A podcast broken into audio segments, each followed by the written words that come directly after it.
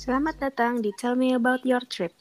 Silakan kencangkan sabuk pengaman Anda, karena kali ini kita akan membawa Anda ke Kathmandu dan Pokhara, Nepal. Enjoy the trip.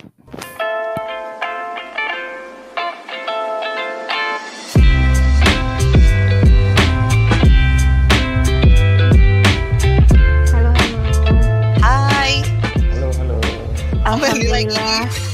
Iya, ini habis Ah, cuti Udah ada nih. suara ketiga nih sekarang ya. Udah ada tiga cuti.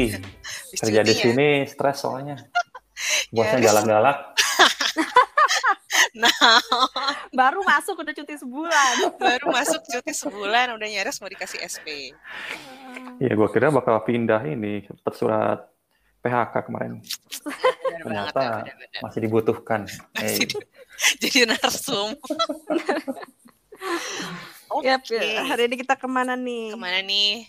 Kemarin kan episode sebelumnya ada gue ke Taiwan, Ica ke Padang dan kok gue lupa Cak ke apa? Kotanya? Pontianak ya. Pontianak. selalu Nah. balik papan. Nah, sekarang Mas Gun ke mana? Sekarang nih kita, eh, gua mau ceritain perjalanan gua itu ke Nepal. Widih. Eh, itu kayak tempat terkenal sama pegunungan Himalayanya lah. Mhm. Eh, jadi kalau singkatnya sih ya, pas ke Nepal itu gua eh, ngunjungin tiga tempat. Mhm. Yang pertama kota Kathmandu, yang kedua namanya kota Pokhara, dan ketiga itu maksudnya eh, main tip gua itu buat naik ke Annapurna Base Camp. Hmm. Oke. Nah sekarang ya gua cuma ngajak kalian ke Kathmandu dan Pokhara dulu ya. Nanti nextnya gue ceritain tentang ke si apa Annapurna Base Camp ya. Oke. Nah, jadi sih awal mulanya eh, kenapa gua ke Nepal ya gara-gara pengen naik ke Himalaya. Kan Hmm. keren tuh. Yuk. Yup. Apalagi kan posting di sosmed itu kan wah keren banget sih salju-salju terus puncak tertinggi terus gua browsing-browsing lagi oh ternyata Nepal tuh sebenarnya udah kayak tujuan destinasi dunia gitu. Hmm. Jadi kayak tujuan mainstream gitu. Jadi emang udah banyak orang ke sana. Bahkan naik gunungnya pun juga ya eh, sudah tersedia berbagai varietasnya lah. Jadi nggak susah. Nah, jadi setelah baca-baca itu ya gue makin yakin lah ya deh gue ke Nepal. Eh, terus jalan-jalan di sana selama sekitar berapa tuh 14 hari gue sana tuh. Mhm. Nah, Kathmandu itu ya eh, kota paling besar lah di Nepal. Dan Hmm. dia emang pusat pemerintahannya. Tapi sebenarnya sih kalau bentuknya sih ya eh, masih kelihatan kota-kota tua gitu ya. Nggak terlalu, bahkan gedung pun juga nggak kelihatan. Gedung tuh paling tinggi ya sekitar eh, ya tiga, tiga lantai lah. Tiga atau empat lantai doang gitu. Nah, caranya ke sana ya bisa pakai pesawat sebenarnya. Hmm. Bisa via, kalau dari Asia Tenggara sih di, bisa via Singapura, bisa via Malaysia juga bisa, bisa via Thailand juga bisa.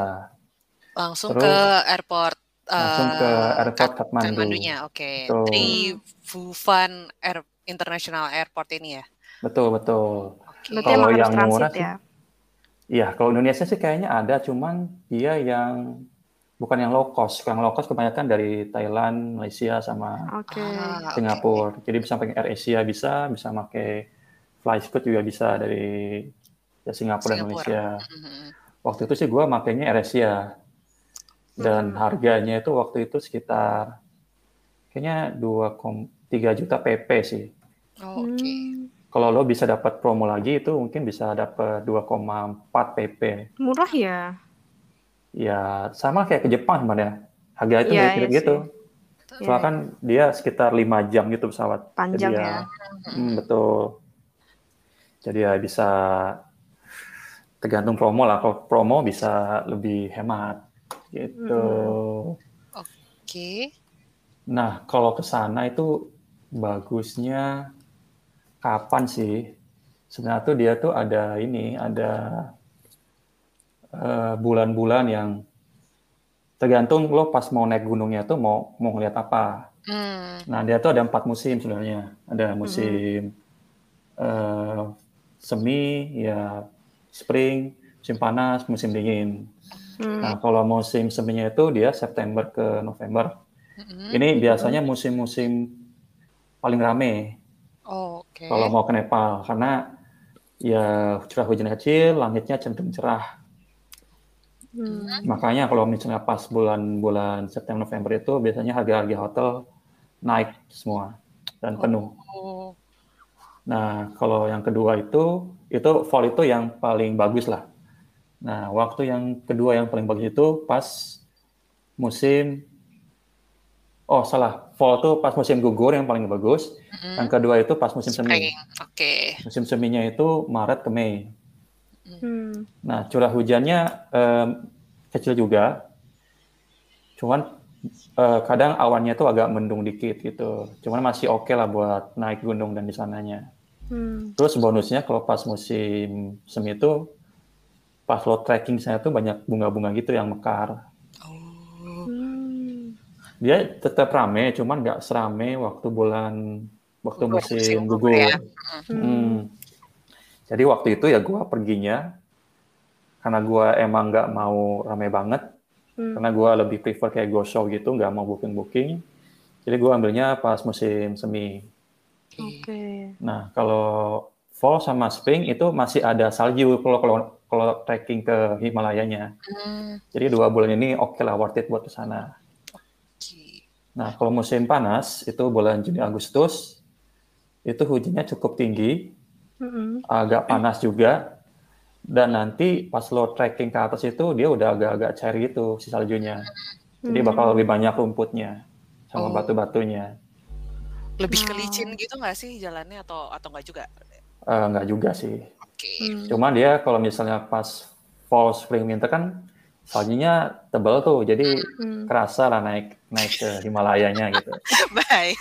Tapi Kalau- eh, eh, saljunya memang bukan salju abadi ya yang di atasnya itu. Eh, Maksud- salju abadi, cuma nanti kan dia waktu musim paling panas tuh dia mencair dikit, dia itu nanti muncul Oh. lagi saljunya. Oh gitu. Oke. Terus eh, keempatnya itu musim dingin. Hmm. Musim dingin juga bagus sebenarnya, Tapi karena langitnya ya langitnya cerah juga, curah hujan kecil. Hmm, hmm, hmm. Tapi ya itu saljunya tebal dan dingin banget. Hmm. Oke. Itu mungkin bisa di bawah waktu itu sih ya pasti di sana 0 derajat lah. Mungkin pas dingin bisa minus sekian. Hmm. Dan mungkin waktu lo trekking di sana ya saljunya nutupin jalan lo. Hmm. Begitu. Itu pilihan bulan-bulan yang bagus lah yang gua rekomen lah. Jadi kalau bagus itu ya fall atau enggak pas spring. Nah, ya udahlah dari itu gua pergi ke sana kan ya naik pesawat AirAsia. Nah, biasanya tuh kalau pas lo sampai ke bandara Hmm. Hmm. eh, itu tuh lo pasti pertama hal pertama yang lakukan itu adalah bikin visa. Oh, on visa on arrival ya? Yes, betul. Oke. Mhm.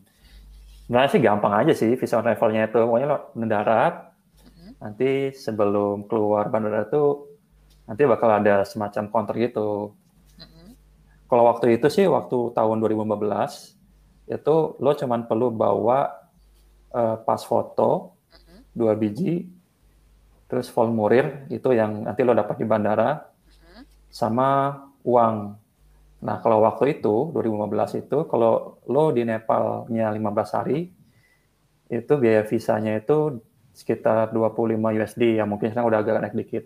Hmm. Nah, kalau lo misalnya 30 hari, Hmm. itu biaya visanya itu sekitar 40 USD. Oke.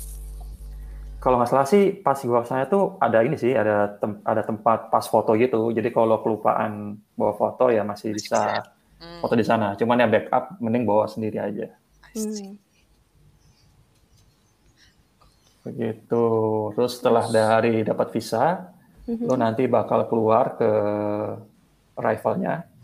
Nah, nanti di sana tuh pokoknya udah banyak lah orang-orang nawarin entah taksi lah atau apa atau Hmm. bus atau apa Hmm. buat menuju ke kota Kathmandunya. Kemarin Oke. gua makainya itu make eh, taksi kan gua bertiga waktu itu. Jadi ya taksi lebih hemat lah. Hmm. Kalau sendirian ya mungkin mau coba-coba Ya, berkreativitas make bus atau apa. Oke. Sebenarnya sih dia agak jauh dari kotanya ya. Oh, oh, si ini ya airport. Mm. Soalnya biasanya itu orang-orang yang ke Kathmandu itu Mm. dia emang cuman buat transit gitu, transit Mm. buat ke arah Pegunungan Himalayanya. Mm-mm. Jadi paling kalau turis itu pas nyampe Kathmandu pasti tujuan utamanya itu ke daerah Tamel, Tam- Tamel, Tamel lah daerahnya. Hmm. Pokoknya itu kayak lorong jalan gitu, mungkin muat sekitar dua mobil, ngepas dua mobil lah. Hmm. Nah, di situ banyak area-area orang-orang backpacker gitu, hostel banyak, terus orang jualan. Kayak kalau di Thailand tuh apa namanya sih yang Itu. jalan Iya, yang waktu itu. Bukan, bukan. apa namanya Apa? tuh? Sabar, sabar. Gue gue cari dulu. Lanjutin, apa? lanjutin, gitu. lanjutin. Nah, itulah pokoknya kalau biasanya orang-orang backpacker tuh tinggalnya di sana. Hmm. Soalnya banyak hostel, terus banyak tempat makan murah dan Mm-mm. Di sana deket juga sama sightseeing-nya si Kathmandu. Oke. Begitu. Terus juga ya di sana juga udah banyak agen-agen travel lah. Kaosan bukan sih yang... Oh iya, kalau kalian kayak Kausan Road lah. Ah, iya. Nah, iya. itu kayak Kausan Road-nya di Nepal. Itu namanya adalah Tamel. Hmm. Oke. Begitu. Terus ya udah, jadi selama perjalanan dari bandara ke Tamel itu ya kotanya sih ya, kotanya eh, sebenarnya sih ya nggak banget lah, nggak nggak kelihatan dia tuh kota metropolitan sih. Hmm. Bahkan ya, setiap perempat gua nggak pernah nemuin eh, lampu lalu lintas. Oh, Jadi itu Iya. ada satu orang di tengah-tengah itu di perempatan itu polisinya yang ngatur jalan gitu. oh, jadi Nah. Oh jadi ada ini ya tukang parkir apa sih yang abang-abang itu ya? Heeh, ini polisinya lah dia polisi yang ngatur jalan. Dia tuh ada sebenarnya lampu merah, cuma waktu gua ke sana itu nggak nyala semua. Aduh. tapi mobilnya Tapi juga nggak tahu ya. ya. Nggak tahu ya kalau sekarang ya. Oh nggak, ramai juga macet, Oh, macet juga. Oke. Soalnya kan dia sebenarnya kayak 11-12 kayak India lah sebenarnya. Hmm. Mobil-mobilnya pun yang mirip-mirip. Kebanyakan ya dari dari produsen India juga kayak Tata lah, terus banyak truk-truk juga lewat, bus-bus juga. Hmm, hmm. Jadi kalau di pusat kotanya sih ya macet juga. Dan Hmm. kadang jalan-jalan, kan dia tuh banyak jalan-jalan kecil tuh. Hmm? Nah itu juga padat juga tuh. Si. Gitu. Nah, pu- udah itu ya gua akhirnya setelah naik travel ya ke ini, ke si Tamel itu buat nyari hostel. Nah, di sana hostel banyak tinggal pilih. Ada yang bagus, ada yang seadanya. Hmm. Jadi kalau mau nyari hostel ya cari aja di ini di apa Booking.com. Agoda atau Traveloka nggak ada ya. Oh, Atau Berapa? Booking.com. bisa kena berapaan semalam? Nah, Waktu itu? murah-murah kok. Kakak nggak nyampe, nggak nyampe 50 per orang. 10 apa tuh? 50 Mau ribu, 50 ribu Oh. Oh. Ru- Rupiah. Rupiah. Wah. per hostel. Bahkan kalau lo bisa nyari nyari tempat yang kamar sendiri, itu mungkin bisa dapat 50 ribu per hari itu kamar bisa buat dua tiga Oh. orang. Oke. Wow. Cuman ya seadanya kalau yang segitu. Cuman kalau yang 50 udah bagus lah hostelnya. Hmm. Hmm. Nggak, nggak, nggak bentuknya udah oke lah, ada tembok lah. Hmm. Nah, di Tamel itu sebenarnya dia selain ada hostel, dia juga banyak yang jualan-jualan ini pasmina dan kasmir. Oh, iya iya. Nah, kalau di sana tuh sepanjang jalan tuh yang jual itu semua lah, pasmina, kasmir. Udah itu ada teh-tehan juga, ada rempah-rempah juga banyak dijual di sana. Hmm. Hmm. Nah, kan gue kan penasaran waktu itu kan ada yang nitip kan, eh beli dong eh, pasmina kasmir gitu di sana ibu gua minta gitu. Kan gua nggak tahu nih yang palsu Hmm. mana yang asli mana gitu kan. Ya. Terus akhirnya ya udah gua browsing-browsing lah cara mengecek pasmina atau kasmir yang asli Terus? yang palsu itu kayak gimana. Pokoknya salah satunya itu lo harus megang kainnya gitu. Pokoknya Ah, ah. kalau pas lo pegang kainnya kayak wow gitu, nah itu mungkin itu Wow mungkin asli. Definisinya kurang menjelaskan. ini ya. Ini kayak gue ngejelasin Tapi- makanan nih. Menarik. gitu ya. browsing internet tuh gitu loh. Pokoknya kalau misal lo pegang terus Ada rasa sensasi. kainnya itu kayak kayak wowness-nya tuh banyak banget gitu. Nah, itu mungkin asli ya bilang gitu. Pokoknya rasanya tuh halus halus sebenarnya tuh kayak ada eh, ngembang-ngembang, ada ngelitik-ngelitik di tangan di tangan gitu lah pokoknya. Pokoknya itu kayak Baik. jadi sepanjang jalan tuh gua kayak lewat toko pegang-pegang, lewat aja pegang-pegang gitu. Harganya sih murah juga, waktu itu sekitar 40 ribu sampai 100 ribu lah. Nah, gue masih belum paham ya, yang asli atau yang palsu yang mana. Cuma mungkin kalau yang mahal mungkin itu asli lah.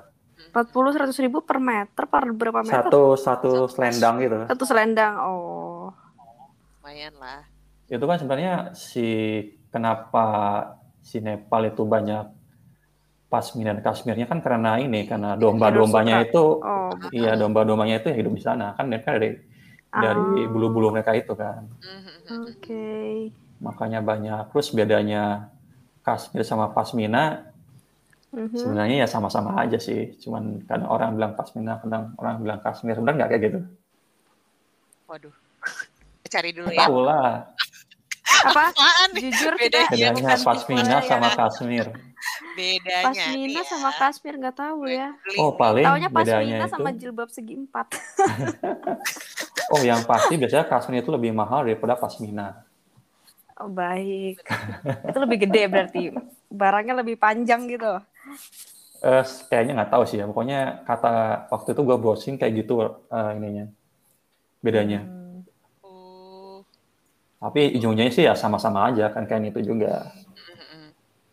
Begitu. Jadi ya pokoknya kalau di sana tuh lo keluar hotel tuh udah kios-kios menjual souvenir pasmina dan kasmir gitu.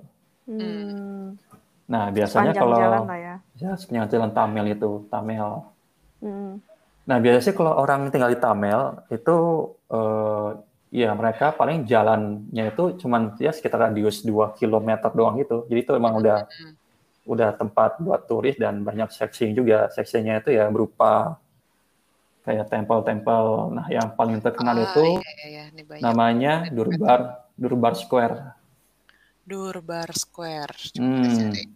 Nah kalau lo sering browsing foto-foto Kathmandu, Mhm. nah biasanya muncul itu foto-foto Durbar Square-nya. Mandu Square. Jadi dia kayak semacam kota tua, Ah, Nah, Durbar stupa-stupanya. Ah, iya, itu. iya, iya, iya. Nanti di sana Kebayang. banyak becak-becak juga yang lo terus Mhm. banyak apa bapak-bapak yang jenggotan itu biksu-biksu Hindu gitu. Hmm. Orang apa ya Hindu yang apa namanya Hindu tuh? Ya Buddha apa kayak Hindu? Hindu, Hindu. Kebanyakan Hindu di sana. Oh. Sama Oh. kayak India. Oh iya benar. Jadi ya kayak sapi pun juga agak berseliweran di sana, Mhm. terutama di Durbar Square ini. Hmm. Oke. Nah, nanti kalau mau lihat foto-fotonya, ya bisa coba browsing di Google atau nanti lihat di IG-nya.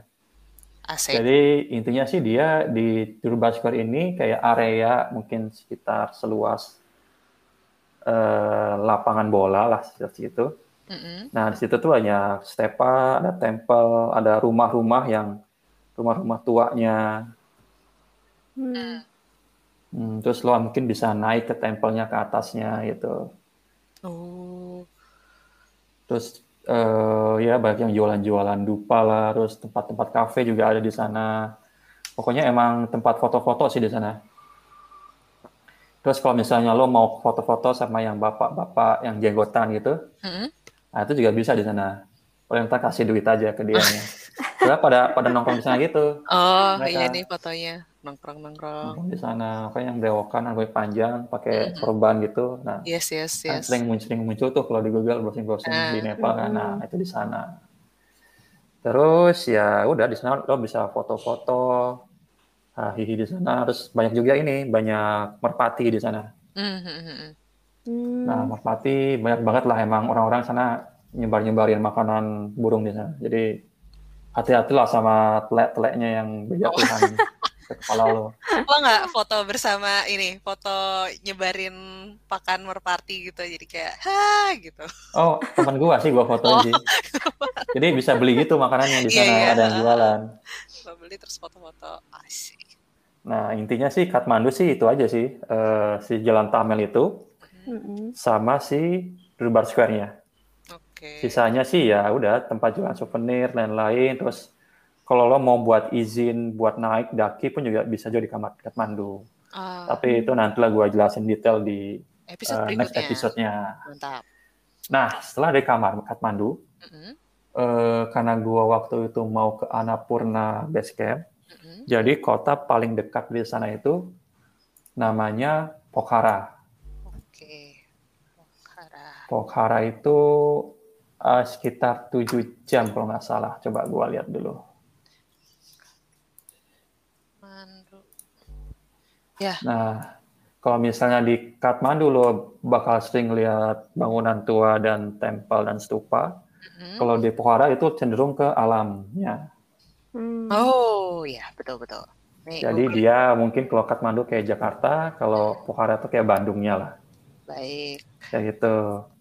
Dan Pokhara ini sebenarnya itu kota terbesar kedua di Nepal setelah Kathmandu. Mm-mm. Dia posisinya itu ada di sebelah utara bagian baratnya Kathmandu Mm-mm. dan dekat sama pegunungan Armurna. Oke. Nah, kabarnya sih eh, kot- katanya sih ya, kota ini biaya hidupnya agak mahal dibandingkan kota-kota lain di Nepal. Hmm. Soalnya dulu itu sempat jadi jalur sutra juga antara Cina dan India di sini. Mm. Oh, oke. Tapi ya suasana kotanya sih dia lebih tenang lah daripada Kathmandu, lebih enak buat stay lama di sana. Hmm. Begitu. Terus buat ke sananya, kalau dari Kathmandu, kemarin sih gua make bus. Oke, bus. Ya, make bus. Bus akap. Busnya ya nggak AC sih, ya seadanya lah. Yes. Kalau nggak salah itu dia sekitar 7 jam lah. Hmm. Tujuh jam, 200 delapan jam. kilometer sini kalau gue googling dari Mm-mm. Kathmandu Jauh juga. Soalnya kan dia perlu melip, dia kan nggak lurus doang gitu kan, jadi kadang ya naik gunung ke kota, jadi jalannya jelek gitu, melip-melip gitu. Cuman ya nggak jalur gunung sebenarnya sih, cuman ya muter-muternya agak jauh lah. Mm-mm. Itu eh, ya bisa kalau lo mau ke Pokhara via Kathmandu, gampangnya sih nanti tinggal bilang aja ke si tukang apa si penjaga hostelnya, Hmm. nanti dia bakal bantu buat beliin tiket, dia tuh nanti dia bakal kasih tahu, oh nanti naiknya di daerah sini ya gitu. Oke. Hmm. begitu. Jadi pernah tuh gua kayaknya perginya itu sekitar jam 7. Terus nyampe itu kalau nggak salah sekitar jam 3 kalau nggak salah. Oh, oke. Hmm. Hmm. Nah, di antara perjalanan itu nanti bakal ada stop gitu di tengah jalan buat makan siang. I see. Dan itu udah udah include di tiket busnya. Ya tinggal ambil aja. Mhm. Hmm. Mana sih gua dapetnya ini semacam mie mie gitu. Rasanya ya oke lah, agak-agak vegetarian lah di sana. Agak. Nah, nanti setelah lo sampai di Pokhara, si busnya tuh bakal berhenti di eh, stasiun bus itu. Mhm. Cuman dia sebenarnya sih tergantung tempat tinggal lo ya. Cuman sama pusat kotanya sebenarnya nggak terlalu jauh sih, kayak sekitar 3 kiloan. Lo mungkin butuh jalan 30 menit doang sampai ke pusat kotanya gitu. Kotanya pun juga lebih kecil daripada Pokhara. Jadi kayak cuman sejalan gitu doang. Cuman di sana ya banyak penginapannya, tempat makan, sama dekat sama si danaunya. Hmm. Nah, danaunya ini yang jadi apa? Salah satu seksinya si Pokhara. Hmm. Begitu. Nah, Pokhara sendiri sebenarnya ya dia kayak kota kecil aja. Dia semacam tempat transitnya kalau orang-orang mau ke Annapurna Base Camp. Hmm. Tapi karena kotanya kecil dan lebih slow, jadi dia nyaman lah di sana. Nah, lo kalau di sana tuh bisa ngapain aja. Banyak aktivitas eh, ini eh, aktivitas outdoor gitu di sana. Hmm. Ada zipline-nya ada, bungee jumping-nya ada, trekking Oh. juga ada, dan yang kemarin gua coba itu si paragliding-nya. Wis. Nah, kenapa gua coba Ah. paragliding di sana? Soalnya gua browsing-browsing, katanya sih di sana itu tem- salah satu tempat terbaik buat paragliding. Hmm. Oh. Soalnya lo bakal melihat pegunungan Himalaya di sana. Oh. Dan uniknya sebenarnya sih yang kan kalau dari Pokhara tuh lo bakal melihat berapa puncaknya Himalaya kan. Mhm. Nah, dia tuh ada satu gunung namanya Macha Puchare. Mhm. Nah, dia tuh bentuknya runcing. Mhm. Jadi lebih ikonik daripada gunung-gunung yang lain. Bakal gunung Everest pun lebih ikonik si Macha Puchare ini. Hmm. Oh, Soalnya dia runcing. Kalau lain itu pada kayak ya udah menggunduk, Oh. menggunduk gitu. cakep nih gunungnya. Iya, iya, iya. Ya. Hmm. Begitu.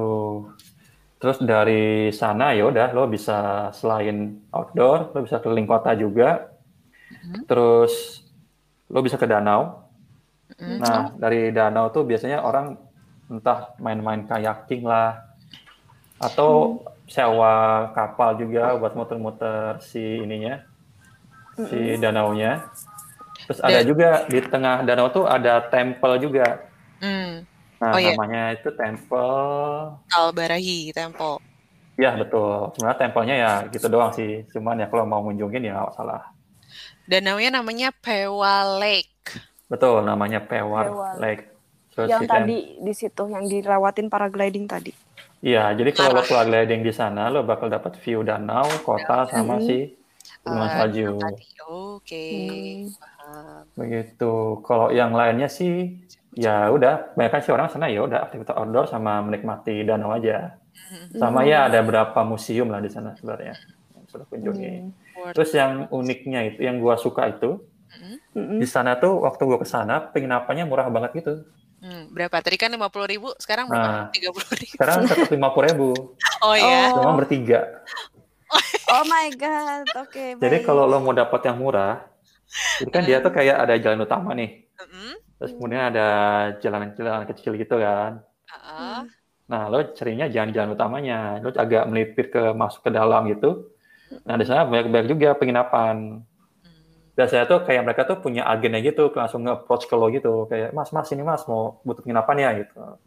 Oh. Lalu dianterin.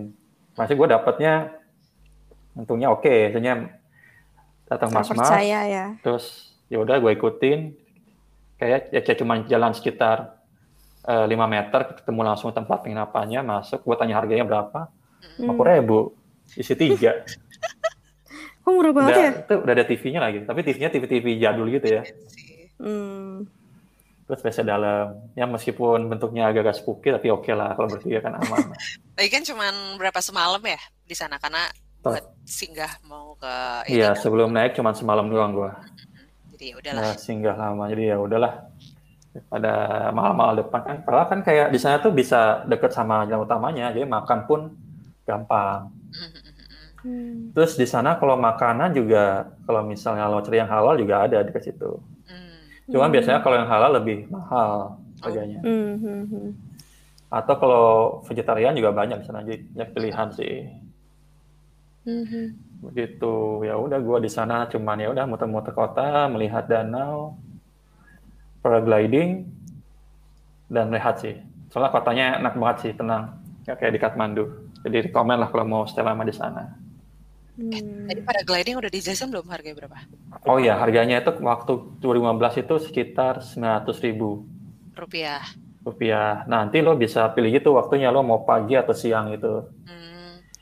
Sebenarnya eh, durasinya itu tergantung angin Hmm, hmm, hmm, hmm. kalau anginnya banyak nah itu lebih lama lo di atasnya Hmm. biasanya tuh angin itu banyak itu pas siang.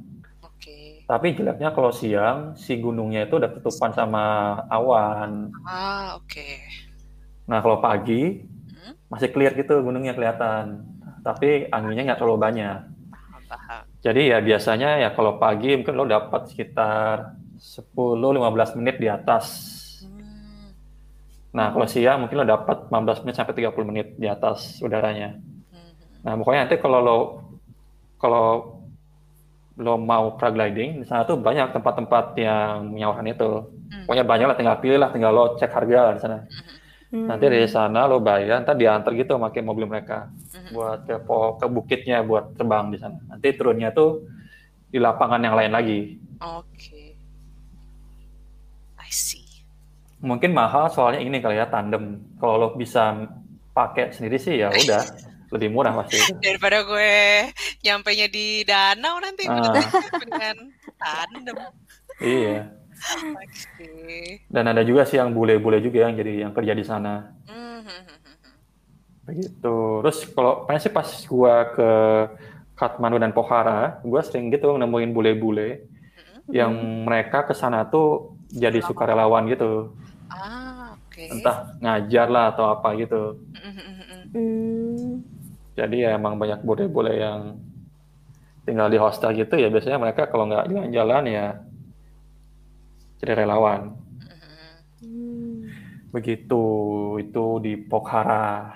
Nah, gimana? Kira-kira ada yang ditanyakan atau mungkin ada ini Fun fact. fun fact, ahli fun fact mana nih? Tangannya ada di gue nih sekarang jadinya. Apa ya? Coba kita kita belajar dulu. Kita kita sambil googling di Nepal sendiri. Ya, apa tadi? tadi berarti berapa hari ya Mas Gun dari pertama datang sampai Pokhara tadi? Pokoknya gua datang langsung ke. Kathmandu, nginap semalam. Mm-mm. Udah itu besoknya langsung ke Pokhara, nginap semalam. Hmm. Udah itu 7 hari, 8 hari gua trekking, Hmm. baru balik ke Pokhara lagi, kayak Hmm. dua, dua malam. Udah itu balik ke Kathmandu sekitar dua malam juga. Oh. Ya total oke. sekitar lihat 14 hari lah di sana. Oh ya, berarti yang tadi di Kathmandu sama di Pokharanya sendiri ini masih yang di awal dua hari tadi ya, yang dua malam tadi. Oh enggak, itu udah gua kombinasiin lah. Oh sama yang di Soalnya pas kalau pulang, oke. mm, hari pertama kan gue cuma semalam tuh yang nggak bisa Hmm. ngapain. Oh, oke, I see. Jadi gue baru muter-muter si Kathmandu Pokhara tuh setelah turun gunung sebenarnya. Ah, oke. Itu nggak lelah Sekalian. apa? Abis turun gunung Nah itu buset. sekalian ini sekalian hibernasi. Oh, Jadi baik. makanya gue nggak langsung pulang ya butuh hibernasi. Soalnya kan naik gunungnya 8 hari tuh, Hmm, Hmm. main jauh. Oke, Oke. fun fact time. Gak terlalu banyak nih gue nemunya. Jadi eh si kota Kathmandu itu katanya tadi itu Mm-mm. eh, danau. Oh. Si, apa eh, was once lake. Jadi Ini eh dan- danau purba kayak Bandung gitu. ya kayak eh, dibilang sih danau purba. Terus abis itu eh, tapi itu udah lama banget dan dibilangnya sih nggak nggak sekali habis, ta- cuman nyusut airnya nyusut itu kayak over period of lima Ya. ribu tahun 15.000 ribu tahun gitu. Jadi eh, Mm-mm. apa namanya dari orang geologis ya bilangnya seperti itu. Oke. Tuh, Terus habis itu soalnya eh, dibilang ada si metolo- eh, mitologi Nepal dibaca apa di tulisan zaman dulunya itu mereka ngelihat seeing a huge lake. Nah, cuman kan ternyata kok nggak ada. Nah, jadi Hmm. jauh ya mungkin emang penyusutannya udah dari dulu gitu. Mhm. Terus habis Hmm. itu ya dia apa i- eh, Nepal itu jadi birthplace-nya Buddha ya kalau nggak salah apa Iya iya betul Oh betul. iya. Betul betul. Oh. dia jadi tempat lahirnya si Siddhartha Gautama dan eh, jadiin until 2006, 2000 tahun 2006 Nepal itu ha- apa namanya satu-satunya negara di eh, di dunia yang menjadikan Hindu sebagai official re- eh, agama agama officialnya mereka di mana 80% penduduknya itu orang Hindu terus 10 persennya orang Buddha Nah, muslimnya dikit sih tadi kan yang lo, lo bilang juga muslimnya dikit ya cuma 4% doang gitu. Hmm. Terus apa lagi ya? Eh, da da da da da da.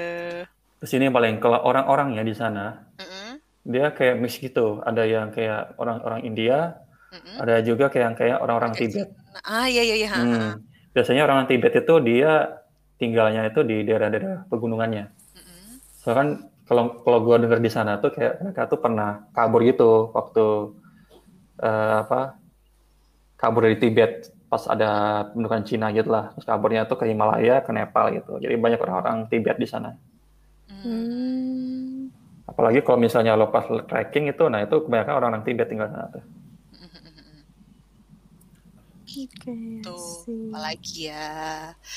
Kayak oh kalender orang eh, Nepal itu juga ada kalendernya sendiri. Jadi dia nggak apa aslinya sih mencampurkan lunar kalender sama solar kalender yang intinya tuh eh apa kalau tahun 2018 di Gregorian calendar itu korespon sama tahun 2074. Jadi di sana udah tahun 2074. What? Okay, they have a different calendar. Iya, karena eh, apa namanya?